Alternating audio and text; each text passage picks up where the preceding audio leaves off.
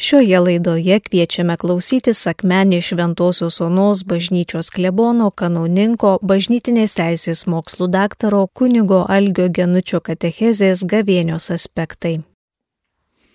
Mėly Marijos radio klausytojai, pokalbiuose mėgstame vieni kitų klausinėti, kada prasidės šiemet gavėne, kada bus Velykos norime planuoti savo laiką, atlikti kai kurias religinės apeigas. Gal sulauksime svečių arba patys per šventes lankysime artimus žmonės. Įvairia pusė informacinė sklaida geras dalykas, bet vien ją neapsiribojame. Siekime prisiliesti prie giluminių dalykų nes jie yra tikrosios vertybės ir brangus dvasiniai turtai, ypač kai kalbame apie krikščioniškąją dvasinę tikrovę. Neseniai praėjo pelenų diena, ženklinanti gavėnios pradžią. Tos dienos svarbi apeiga, pelenų barstymas ant galvos, simbolizuojantis atgailos laikotarpio pradžią bažnyčia mums primena, kad mes esame dulkės ir dulkėmis virsime. Po gimtosios nuodėmės mūsų prigimtis tapo nuodėminga, atsidūrėme mirties valdžioje. Jėzus Kristus, kentėdamas ir mirdamas ant kryžiaus mums visiems pelnė išganimą. Jį tikrai gausime, jei atsiversime ir įtikėsime Evangeliją. Pamaldesnių žmonių mintyse ir ausyse gavėnioje skamba kryžiaus kelio stočių apmąstymo žodžiai ir juos lydinčių giesmių aidas. Gavėne mums asocijuojasi su žemaičių kalvarijos kalnų giesmėmis, kuriuose yra daug dvasinio širdį gaivinančio peno. Kaip neprisiminti graudžių verksmų, kurių tekstus sukūrė mūsų tautos dainius, poemos Anykščių šilelis autorius vyskupas Antanas Baranauskas. Per gavėnę pabūkime šių giesmių sukūryje. Kai kas laukia gavėnios rekolekcijų. Jų vedėjai yra Dievo žodžio sėjėjai, beriantis dievišką sėklą į mūsų sielos dirbą. Gavėnioje vykdome bažnyčios įsakymą atlikti Velykinę išpažinti. Toks mūsų elgesys rodo, kad rūpiname savo sielos tyrumu ir esame klusnus bažnyčios įsakymams. Visa tai, apie ką mes kalbame, yra ne gavėnios prasme, bet išorinės religinės praktikos. Dievas duoda mums malonės ir susitaikinimo metą, kuris gali atnešti pokyčių mūsų krikščioniškame gyvenime. Antraip, liksime paviršutiniškų religinių praktikų lygyje. Toks pokytis vadinamas atsivertimu, o jo mums labai reikia, nes Jėzus ragina daryti atgailą, atsiversti, kad amžinai nepražūtume. Bažnyčia per keturiasdešimt gavėnios dienų mums primena tiesą Dievas suklydusio ir nusikaltusio savo kūrinio žmogaus neapleido, bet jam ištiesė pagalbos ranką ir jį išgelbėjo. Jis amžiais žmogų moko, veda ir globoja. Dievas ruošia atpirkimą, klaidų ištaisimą. Jis siuntė savo sūnų, kad kančia ir mirtimi atpirktų pasaulį ir jį iš nuodėmės vergijos išvaduotų. Įsikūnijęs Dievo sūnus buvo klusnus. Jis neaukštino savęs, bet anot apaštalo Pauliaus, turėdamas Dievo prigimti, godžiai nesilaikė savo lygybę su Dievu, bet apiplėšė pats save, priimdamas tarno išvaizdą ir tapdamas panašus į žmonės. Jis nusižemino tapdamas klusnus iki mirties, iki kryžiaus mirties. Nuodėmės drama prasidėjo rojuje su pirmųjų tėvų nuopoliu. Žmonijos protėviai Dievui nusidėjo neklusnumu. Jie suvalgė draudžiamą vaisių, laisvą valią pasidavė piktosios dvasios pagundai. Nors pirmieji tėvai, kaip ir visi kiti žmonės, buvo sukurti pagal Dievo paveikslą ir panašumą, tačiau jiems to nepakako. Jie panoro būti tokie kaip jų kūrėjas. Piktoji dvasia kuždėjo, kad jūs būsite dievai. Adomas ir Jėva tuo patikėjo ir pasmerkimą užtraukė visoms kartoms. Nuo tos valandos nuodėmių virtinė tik ilgėjo, blogi žmonijoje vis giliau leido šaknis ir ją stipriai sužalojo. Žmonija vien tik savo jėgomis nebepajėgė šio blogio sustabdyti ir Dievui atsiteisti. Tai padarė Jėzus Dievo sūnus. Jis amžinojo tėvo valia buvo atsiustas į pasaulį, kad jį išgelbėtų savo kančia ir mirtimi ant kryžiaus. Anot apaštolo Pauliaus, savo sunaus kančia ir mirtimi Dievas nusprendė visą sutaikinti su savimi, darydamas jo kryžiaus krauju taiką, per jį sutaikinti visą, kas yra žemėje ir danguje. Jėzus Kristus yra ne tik atpirkėjas, bet ir mūsų tikėjimo vadas bei gyvenimo ištobulintojas. Žmogaus valia silpna, palinkimas į blogį išlieka ir po atpirkimo. Mums grėsia daug dvasinio gyvenimo pavojų, kurios turime įveikti. Per gavėnę gilinamės į mūsų viešpaties kančios ir mirties slėpinį ir kylame į dvasinę kovą už savo sielos išganimą. Krikščioniui nevalia pailsti ir dvasia suglepti, nes jį remia Dievo malonė ir Jėzaus Kristaus pavyzdys. Ankstyvaisiais krikščionybės laikais gavėnioje vykdavo intensyvi katechizacija tiems, kurie ruoždavosi priimti krikštą. Tada krikštas buvo teikiamas ne kūdikiams, bet sulaukusiems vyresnio amžiaus asmenims, nusprendusiems pasikrikštyti. Visa bažnytinė bendruomenė įsijungdavo į paruošimo procesą. Bendruomenės nariai būsimus krikščionis mokydavo tikėjimo tiesų, dalydavosi sukaupta tikėjimo patirtimi ir už juos melsdavosi.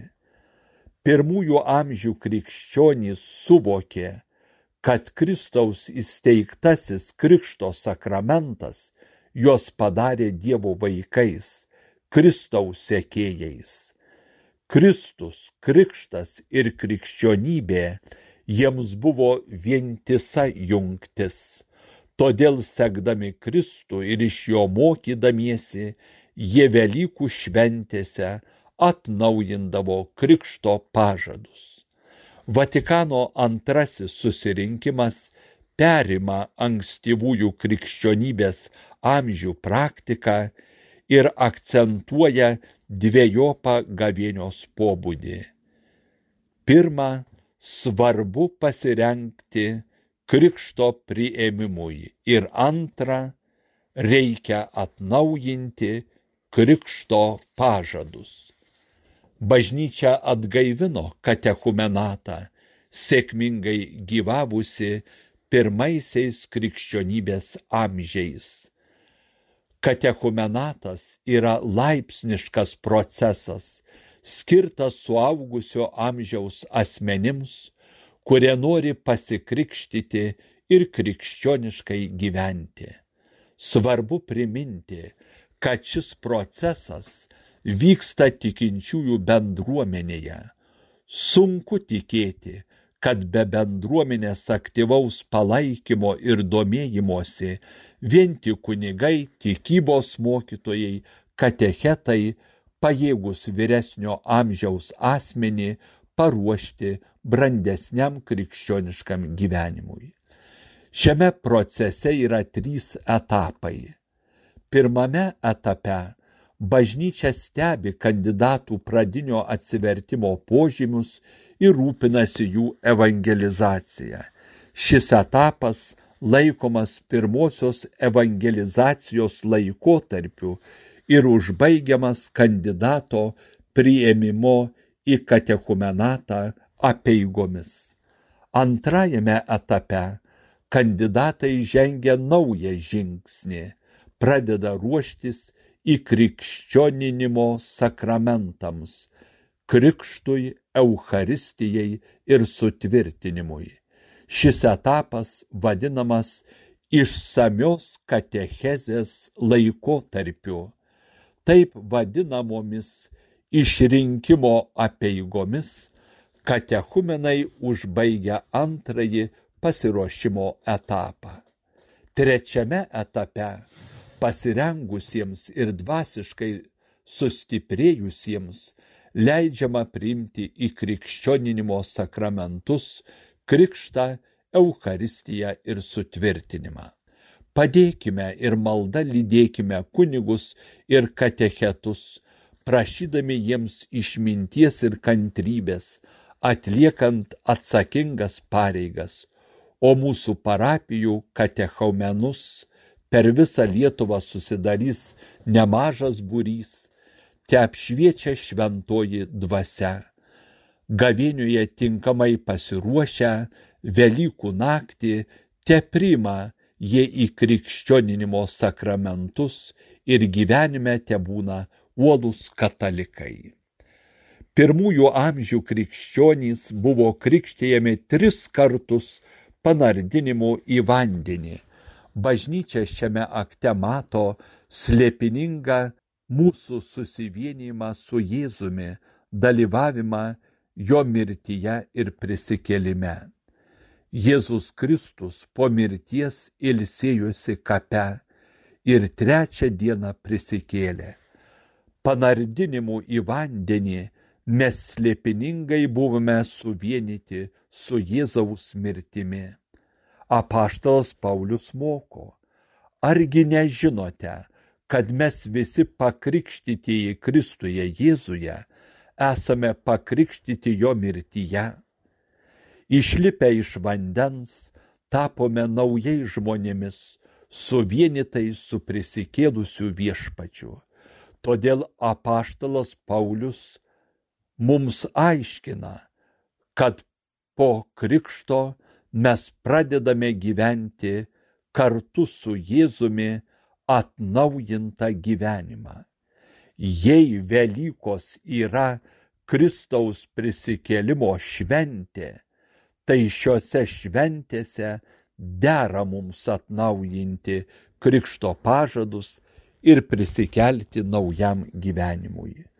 Didžiojo šeštadienio pamaldose bažnyčia šventina krikšto vandenį tokiais žodžiais Būk tad maloningas viešpatie savo bažnyčiai ir teikis jai atverti krikšto šaltinį. Tegu šis vanduo iš šventosios dvasios gauna tavo vienatinio sunaus malonę, kad pagal tavo paveikslą sukurtas žmogus krikšto sakramentu nuo visų praeities nešvarumų nuplautas iš vandens ir šventosios dvasios atsikeltų naujam gyvenimui. Po to atnaujiname krikšto pažadus. Vėl kaip ir per krikštą atsižadame piktosios dvasios ir jos darbų, bei išpažįstame savo tikėjimą. Kai kūdikystėje buvome krikštėjami, šį tikėjimą už mus išpažino tėvai ir krikštatėviai. Dabar išpažinimą atliekame mes patys. O kodėl jį reikia kartoti? krikštu tikėjimas mumise buvo įdėktas, bet nesubrandintas ir neišaugintas. Tikėjimas mūsų žemiškajame gyvenime turi aukti ir skleistis. Besibaigiant gavėniai, mes išpažįstame, kad esame atgimę iš vandens ir šventosios dvasios. Branginame savo tikėjimą, kurį gavome per bažnyčią ir norime ateityje juo gyventi. Tada bažnyčia krikšto atminimui mus pašlaksto Velykų vigilijos apieigose šventintų vandeniu. Jėzus savo viešąją veiklą pradėjo mokymu - atsiverskite ir tikėkite Evangeliją. Ką reiškia atsiversti, jei negailėtis dėl padarytų nuodėmių, pasitikėti Dievo gailestingumu ir keisti savo gyvenimo būdą. Bet to dar nepakanka. Reikia įsisamoninti, kad Dievas mane myli ir man atleidžia. Jis kentėjo ir mirė dėl manęs ant kryžiaus. Esu išgelbėtas Kristaus kančios ir mirties nuopelnais, kurie glūdi susitaikinimo ir kituose sakramentuose. Patyręs Dievo malonę, pasitikiu beribę Dievo meilę. Atsivertimas yra didžiulė Dievo malonė. Šios malonės paliesti, pamatome savo dvasinį skurdą, atitaisome klaidas, atlyginame padarytas skriaudas.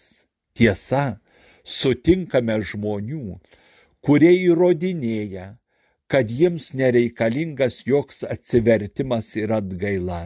Neva jie esantis pakankamai geri, elgesi kilniai ir nieko keisti savo gyvenime nesiruošia. Jie sakosi savo pastangomis galintis padaryti viską, ko tik nori. Tokie žmonės tvirtina esantys absoliutus gyvenimo šeimininkai, patys nusprendžiantis, kas yra gera ir kas yra bloga.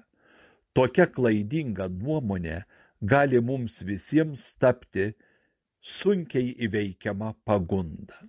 Žmogiškoji puikybė, pasireiškusi pirmųjų tėvų elgesyje, noras būti Dievo vietoje veda prie didelių nelaimių.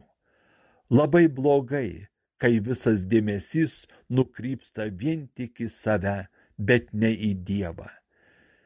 Šitokia nuostata netitinka pirmykščio Dievo plano, joje glūdi netvarka, leidžianti įsiviešpatauti kitoms nuodėmėms.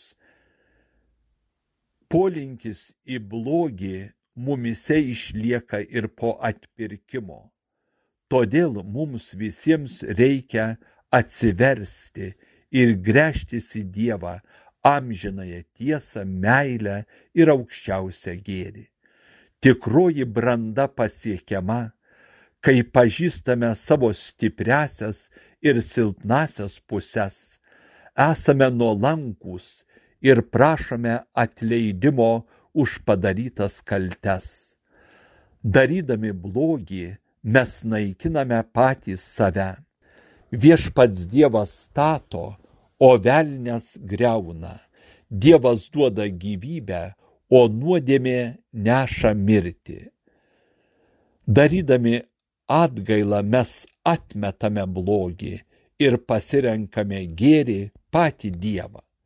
Kartais galvojame, kad kviesdamas atsiversti ir daryti atgailą, Kristus turėjo mintyje tik didžiuosius nusidėjėlius, kaip pavyzdžiui Evangelijoje pagal Matą paminėtą muitininką Levi, neteisingai rinkusi mokesčius ir iš to lobusi, fariziejų Saulių, tiesiog alsavusi krikščionių persekiojimu, bet su Dievo pagalba atsivertusi ir tapusi uoliu Kristaus apaštalų. Gal dar bažnyčio šulą šventąją Augustiną daug metų klaidžiojusi netikros religijos labirintuose, bet visgi tiesą atradusi ir atsivertusi. Pažįstame žmonių, kurie panašus į Evangelijoje pagal Luką aprašytą sūnų palaidūną. Tokių sūnų palaidūnų, ieškančių laimės nuodėmėje, tikrai yra ne vienas. Manome, kad jiems tikrai reikia atsiversti ir daryti atgailą, bet mums tai neaktualu, argumentuojame. Esu pasikrikštijęs ir įtikėjęs, man daugiau jokio atsivertimo nereikia. Atsivertimas nėra vienkartinis aktas. Laikui slenkant, jis turi būti atnaujinamas mūsų ryštų gyventi pagal Kristaus mokslą, kuri mes privalome vykdyti įvairialypėje mūsų gyvenimo kasdienybėje. O ir pati atgaila, kurią praktikuojame, yra ne tik išorinė, bet ir vidinė. Krikščioniškame gyvenime atsivertimas reiškiasi įvairiomis formomis. Pavyzdžiui, nuoširdžių susitaikinimo sakramentų prieimimu, pasiryžimu vengti nuodėmių, teisingumo laikymus ir jo gynimu, sąžinės patikrinimu, o gal ir viso gyvenimo įvertinimu, įvairiausių kentėjimų priėmimu. Atgailos kelias yra kasdieninio kryžiaus nešimas ir sekimas Jėzumi. Tai tik keletas pavyzdžių, kasdieniniam atsivertimui įvardinti. Mums reikia daryti pažangą dvasinėme gyvenime, todėl turime atsiversti ir kas kart labiau įtikėti Evangeliją. Mes blaškomės, ne tik lyskelius pasukame, elgiamės ne pagal Evangeliją, bet tenkiname savo įnorius, kurie būna pražutingi. Silpnas ir apmiręs mūsų krikščioniškas gyvenimas vaisių neatneša. Pasitenkiname vieną kitą religinę praktiką ir nenorime nieko žinoti apie naują gyvenimą Kristuje. Pamirštame, kad mums reikia aukti ir stiprėti krikščioniškoje meilėje. Gavėne kiekviena mūsų skelbia, privalu atsižadėti ankstesnio žmogaus gyvenimo būdo. Būtina atsinaujinti savo proto dvasinėje gelmėje, apsivilkti naujų žmogumi, sutvertų pagal Dievą teisume ir tiesos šventume. Tai reiškia, kad mūsų krikščioniškas gyvenimas turi nešti gausesnių vaisių Dievo šloviai ir artimo geroviai. Kanonų teisė, kurią savo praktinėje veikloje vadovaujasi, bažnyčia nustato, kad atgailos dienos ir laikas yra visi metų penktadieniai ir gavėnios laikas. Nuo mėsos turi būti susilaikoma visais metų penktadieniais. Abstinencijos ir pasninko reikia laikytis pelenų trečiadienį ir Jėzaus Kristaus kančios ir mirties penktadienį. Pasninkas tai galimybė staptelėti, pažvelgti į savo gyvenimą. Pasninkaudami silvartaujame dėl savo nuodėmių, atsiprašome už klaidas, nusižeminame prieš Dievą, kuri įžeidinėjome. Pasninko praktikoje yra išorinių elgesio gestų, Tačiau reikia atsiminti, kad jie gali tapti beverčiais, jei širdyje nesistengsime atsiversti. Tik paklausykime pranašo Joelio žodžių. Iš viso širdies atsiverskite į mane pasninku, verksmu ir raudojimu. Persiplėškite širdis, o ne drabužius. Atsiverskite į viešpati savo Dievą. Jėzus moko apie dvasinį nusiteikimą, kurio reikia laikytis pasninkaujant. Kai pasninkaujate, nebūkite paniurę kaip veidmainiai, jie perkreipia savo veidus, kad žmonės matytų juos pasninkaujant. Iš tiesų sakau jums, jie jau atsiemė užmokesti, o tu pasninkaudamas pasitep kalėjumi galvą, nusiprausk veidą, kad ne žmonėms pasirodytumei pasninkaujas, bet savo tėvui, kuris yra slaptoje, ir tavo tėvas regintis slaptoje tau atlygins. Susilaikymo nuo mėsiškų valgių motyvai įvairūs. Vienas jų būtų, kad patobulintume savo kūno linijas. Arba, pavyzdžiui, dėl paaukštinto kraujospūdžio tenka atsisakyti kai kurių gardžių patiekalų. Mūsų dienomis yra vegetarų, kuriems mėsa nėra joks gardumynas. Tokiu atveju pasninkas keičiamas kita atgailos forma, pavyzdžiui, artimo meilės darbais. Pasninko tikslas yra religinis. Pasninkaujame ne todėl, kad numestume nereikalingą ansvorį ar kad apribodami maistui skirtas išlaidas daugiau sutaupytume. Pasninkas yra ne tikslas pats savyje, bet priemonė siekiant aukštesnių tikslų. Pasninko tikslas įsiugdyti krikščionišką savitvardą juk besaikis naudojimasis žemiškomis gerybėmis mus labai nuskurdina ir priešingai tvarkingas jomis naudojimasis neužtemdo akių, padeda pamatyti savo artimą, suprasti jo teisėtus poreikius. Apvaldę kūno polinkius, tampame imlesni dvasiniams dalykams.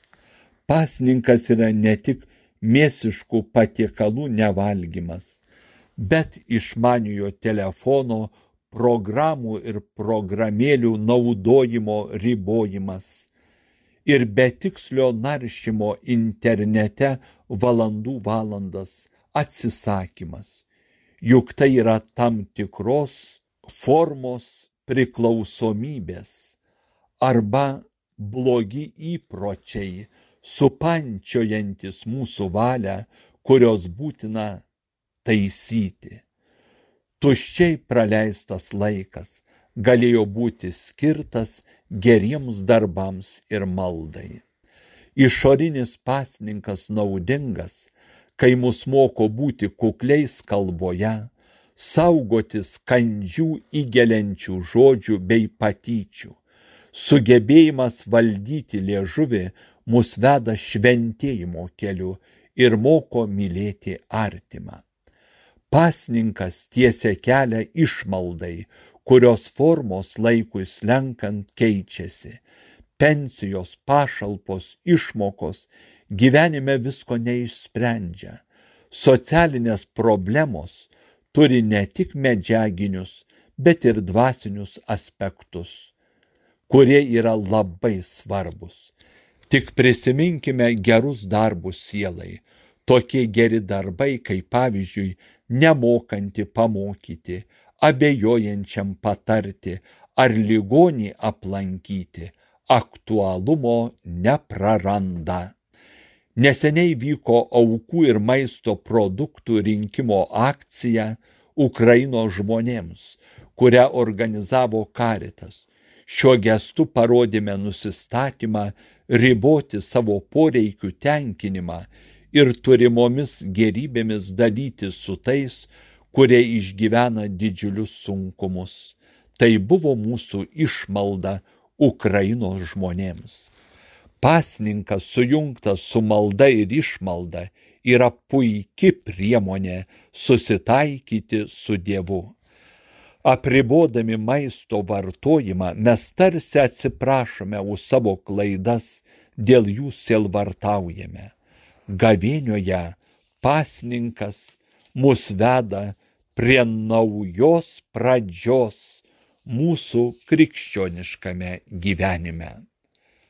Gavėnios atgaila ir atsivertimas glaudžiai siejasi su Dievo žodžio klausimuose anot popiežiaus pranciškaus gavėnia yra malonės metas tada kai mes klausomės mums kalbančiojo ypač diena iš dienos skaitydami šventąjį raštą. Gavėnia malonės ir susitaikinimo metas kurį kasmet mums dovanoja viešpats. Pamaldus kasdienis šventojo rašto skaitymas padeda išgirsti Dievo balsą, gausina mumise malonę ir veda į susitaikymą su viešpačiu. Dievo žodžio atidžiai klausomės, dalyvaudami gavėnios rekolekcijose, kurios nėra savitikslis dalykas, bet mus rengia tolimesniai krikščioniško gyvenimo kelioniai, kurioje apstu įvairiausių iššūkių ir sunkumų, besiartinant prie galutinio gyvenimo tikslo. Juk nuodėmės labai sužeidė mūsų širdis, bet dėl to mažai kas jaudinasi. Nuodėmės našta šiandien mus slegia labiau nei nepagydamos ligos ar negalios sukelta kančia. Žaizdos būna atviros ir vidinės. Vidinis kraujavimas, sako, pavojingesnis už išorinį. Ta žaizdas gydo atgaila ir susitaikinimo sakramentas. Jas gydant reikia kantrybės ir laiko, bet pasveikti įmanoma. Štai kodėl gavėnios liturgijoje taip dažnai skamba šventojo rašto frazė Sukurk man tyrą širdį, o Dieve, manyje atsidavusią dvasę atnaujink. Norėtume pakeisti visą pasaulį, tik ne savo širdį.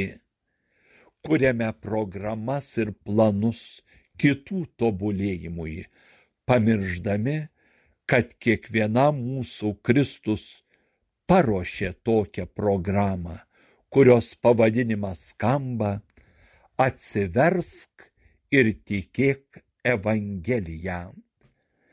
Žengdami atsivertimo keliu kartais nerimaujame, kad grėsia pavojus atkristi į tas pačias nuodėmes tikra tiesa, kad nesame tvirta valiai, bet riboti ir nuodėmingi. Visgi, pasak Evangelijos, čia sustoti negalime, nes Dievo gerumas ir gailestingumas žmogiškais masteliais nematuojamas. Mes pašaukti eiti tobulėjimo keliu, kuris ribų neturi. Laidoje kalbėjo Akmenė Šventos Onos parapijos klebonas, kanauninkas, bažnytinės teisės mokslų daktaras kunigas Algis Genutis.